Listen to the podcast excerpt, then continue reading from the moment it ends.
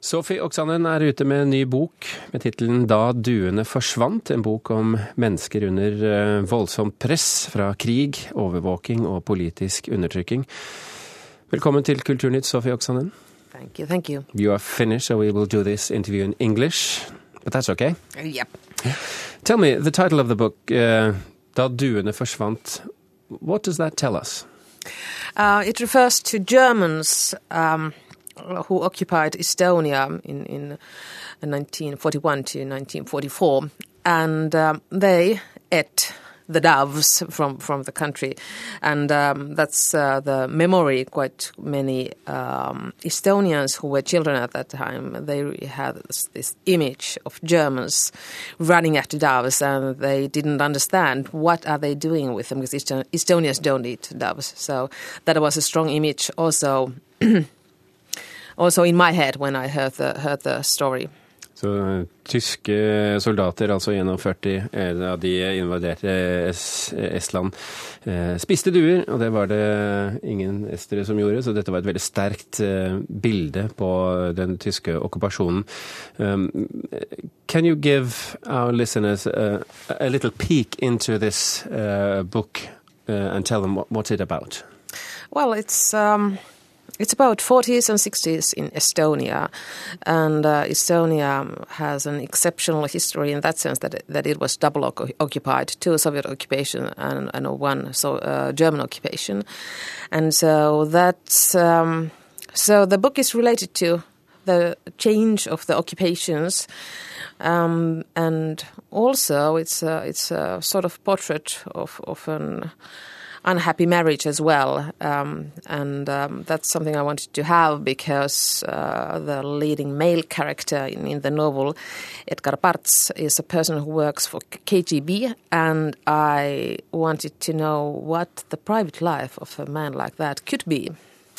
Estland er altså trippel eh, okkupert. Først av eh, russerne, så av tyskerne, og så av Sovjetunionen etter det. Delvis handler det om det, delvis handler det også om hva privatlivet til en, en, en KGB-agent er. Hva, hva, slags type privatliv han kan ha. It's a very sad private life, though. Oh, yes, yes, it, yes it is. Yes, it is. Um, and um, the um, yeah, other male uh, male leading character in the novel is Roland, who is a cousin to Edgar, and he is then another kind of person. He is a freedom fighter, and even. Uh, uh, another guy with a with, with a sad private life. Yes, yes, I have to say, yeah, he loses his uh, love, so uh, unhappy private lives quite many, for quite, quite many people. Et veld, veldig ulykkelig liv på begge disse hovedrolleinnehaverne i denne boken. Er det, er det et er det sånn det må være i et undertrykket samfunn? Jeg har lyst til å spørre meg, Is that how it has to be in a society like uh, Estonia? Uh, no, no, no, no, no. Um, no um, it's, but, it's how it becomes when Sophie Oksanen writes. Ah, well, yeah, yeah. I have to say that unhappy um, marriages and relationships are much uh, they offer much uh, better material for, for an author. Mm. Et bedre materiale for en forfatter. Um, hun har jo skrevet flere uh, bøker som, som i høy grad dreier seg om, om de mørkere sidene av menneskelivet. In your other books as well, the, the darkest sides of human life. Yeah, I, I think I, I believe um, Hollywood offers entertainment enough, so I don't have to work work on on the entertainment uh, section. Det er mer, underholdning, mer enn nok uh, underholdningsarbeid, særlig fra Hollywood-fortelleren, så det trenger ikke hun gjøre. The, the, characters, two of the characters in this book are men, and and, and, the main characters. Um, in your other books, women. How has that been different? Uh, well, um, I was hesitating in the first place when I understood that I'm going to have strong male uh, figures in, in, in my novel. And I have to say that I did ask my male friends uh, lots of questions like, you know, how does it feel when you have to shave every day? Um, and um, but in the end, I wasn't hesitating anymore Of course, I, I, did think about that. Okay, these are the men who have been, you know, fighting in war, and I haven't ever been, uh, uh, I haven't gone to, to army and haven't had any kind of military experience in any, any field. So, so that was another thing I was, I was a little bit. Um, uh, which made me uh, hesit hesitate, but in the end, I didn't anymore. Hun var nødt til eh, å tenke nøye gjennom og var veldig tvilende til om hun kunne skrive om menn i hovedrollene, siden hun ikke hadde så mye erfaring selv ikke fra det å barbere seg hver dag. Um, så, så, dette er altså menn, og sånn måtte det være, eh, sier hun. Hun har måttet gjøre en god del research i forhold til det. And um, Aksanen, tell us about your research, because you haven't only researched how it is to be a man, but also a lot uh, uh, about Estonia in the 40s and 60s. Yeah. Um, well, I went through old maps, for example, because uh, the changing the occupation meant that the street names and everything, you know, just uh, changed many times. And uh, then old phone catalogs, for example, and then um, then I also uh, tried different guns as well which was probably the most surprising, perhaps, uh, feeling in, in, my background research. Hun har altså både lest kart og hun har lest telefonbøker for å sette seg inn i tiden på 40- og 60-tallet. Eh, men i tillegg også eh, prøvd våpen, eh, som var veldig overraskende, sier hun. Why was that surprising to you? Um, well, uh, I didn't want to, um, as, as, I said, that I, I was a little bit um, uncertain of of having um, having male characters uh, who have been, you know, in war, and uh, well, I know that in quite many movies, for example, as well as in books, uh, you know, people are using guns in a way that is not possible in, in real life. So I didn't want to make mistakes like that, and that's why I had to try them myself, and also to understand that you cannot, you know, what kind of weapon a lady could use, for example, because I mean the it does strengthen them. Yeah, the strength, and and also if uh, there's a male figure, what kind of weapon would be okay for them? So. Hun hadde lyst til å gjøre ordentlig research for ikke å dumme seg ut når det gjaldt uh, hvilke type våpen man brukte i krig, hvilke type våpen kvinner brukte, f.eks. hvilke type våpen menn brukte. Det skulle være riktig. Other parts of your research is about, um, I think, um, propaganda mm. history writing. Yeah. Were you at any time surprised? Jeg spør om hun var overrasket over det hun fant eh, når det gjaldt eh, historieskrivingens propagandaside. Da. Um, were you ever surprised about what you found? Oh yes, yes. Well, uh, I tried to use in in in the novel. Uh, there are quotes from propaganda books. Some of them are fictional, but some of them are authentic. So I tried to create the authentic feeling also through the documents, and that's why the uh, because I, you, otherwise that's the only way uh, to to do create. Uh, the strange feelings because the language of propaganda is strange. It's not natural language.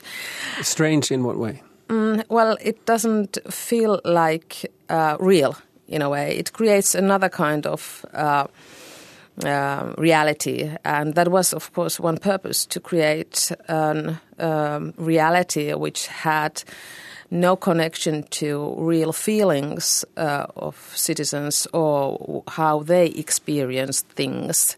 It was estranged. Hun, hun forteller hvordan propagandaspråket er annerledes og ikke knyttet f.eks. til følelser, og hvordan man eh, Det er en slags fremmedgjøring i det språket propagandaen eh, bruker.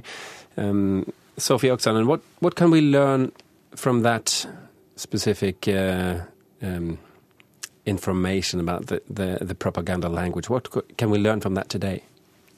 Well, uh, we, uh, the, the world is filled with propaganda, and well, now, now where information moves from one part of the world to another part of the world in just a few seconds, and we are loaded with all kind of information. Actually, so it's well, it's uh, on on the responsibility of journalists uh, to make sure that the information we get is, you know, real and also to see through war propaganda because all the crisis crisis areas with crisis they are sending out messages um, also with propaganda and war propaganda is still something that is used. Dette forteller viktigheten eh, Hun sier at eh, denne type propaganda fins hele tiden overalt, og den deles over hele verden i, på få sekunder. Og dette eh, beskriver viktigheten av at journalistene gjør ordentlig arbeid, og at de oversetter propagandaspråket til oss vanlige mennesker. Særlig det som dreier seg om krigspropaganda, som vi opplever selvfølgelig hele tiden. Um, is this in the end, a question of education? Mm, I don't know in, in, in that sense that, um, well, um, one reason why I wanted to write a, propaganda is uh, the the radical rise of anti-Semitism in Eastern European countries, and uh, the one reason behind that is that Holocaust and Second World War, they were taught at school in a totally different way than uh, than these themes were were um, how how we learned in Western European countries. Uh, in in Soviet Union and in Eastern Bloc, it was not about um, racial issues at all. It was about killing Soviet citizens in a way that the racial issues were completely erased from the uh, from how, how uh, people were taught about the Second World War at school. And it does make the difference, and that's in a way one, one reason why the anti-Semitism is, in, is rising, and, and that's one reason how, how, why I wanted to write the book.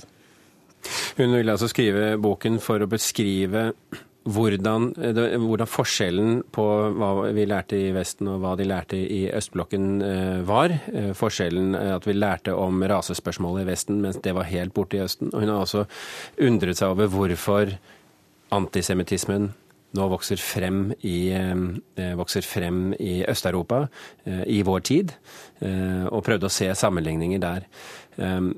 Sophie Oksanen, last question. Do you think it's possible to to hinder or to stop the growth in uh, anti-Semitism and, uh, Semitism in, in Europe today? Um, at least we can do something about it, but that means that the European Union should pay some attention to, to that matter, and I have a feeling they don't. EU, uh, vi kan gjøre noe med det, EU kan gjøre noe med det. Hun tror ikke de gjør det for tiden. Maybe they should read your book. Well, perhaps. The people in EU. Sophie Oksanen, tusen hjertelig takk for at du kom til Kulturnytt. Thank you. Thank you.